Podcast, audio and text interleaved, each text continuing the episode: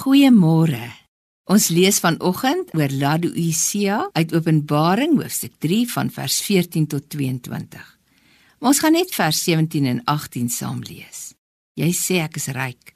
Ek het skatryk geword. Ek het aan niks behoefte nie. Jy besef nie dat jy ellendig en bejammeringswaardig is nie. Armlastig, blind en nakend. En dan hierdie woorde: Ek gee jou daarom die raad om by my goud te koop wat deur vuur gelouter is sodat jy ryk kan word.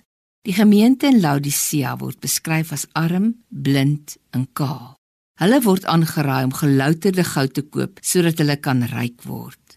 Wit klere sodat hulle naaktheid bedek kan word en oogsalf om aan hulle oë te smeer sodat hulle weer kan sien.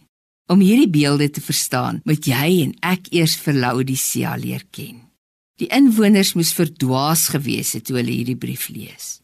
Hulle arm, blind en kaal, onmoontlik.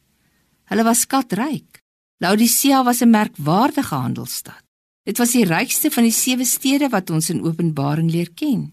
Daarom was Laodicea dan ook die banksentrum van Klein-Asië. En tog beskryf Jesus hulle as arm en raai hulle aan om vir hulle gelouterde goud te koop sodat hulle ryk kan word. Hulle het nie besef dat hulle arm is nie. Hulle moes geestelik ryk word. Hulle moes by Jesus goud verkry wat deur vuur gelouter is. 'n Lewe wat gesuiwer is van alles behalwe die essensie van wat vir God belangrik is.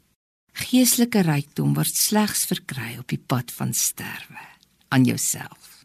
Daarom is geestelike rykdom baie duur, want dit vra my en jou lewe. Wanneer goud gelouter word, vind daar 'n natuurlike skeidingsproses plaas. Al die ander stowwe wat in die erts was, wat nie goud is nie, word geskei en weggegooi. Net die goud bly oor. En wanneer ek en jy ons lewe vir die Here gee en hy begin om ons ook so te reinig en te suiwer, om ons uiteindelik te louter sodat ons die suiwerste goud kan wees, dan dink ons ons kry swaar terwyl dit eintlik 'n proses is van geestelike rykdom wat in ons gevorm word. Wil jy nie die Here toelaat om alles wat nie van goud getuig nie uit jou lewe te verwyder sodat jy regtig geestelik ryk kan word nie? Want wat jy dalk vandag gesleg en negatief beleef, is dalk net deel van God se verrykingsplan vir jou lewe. Kom ons bid saam.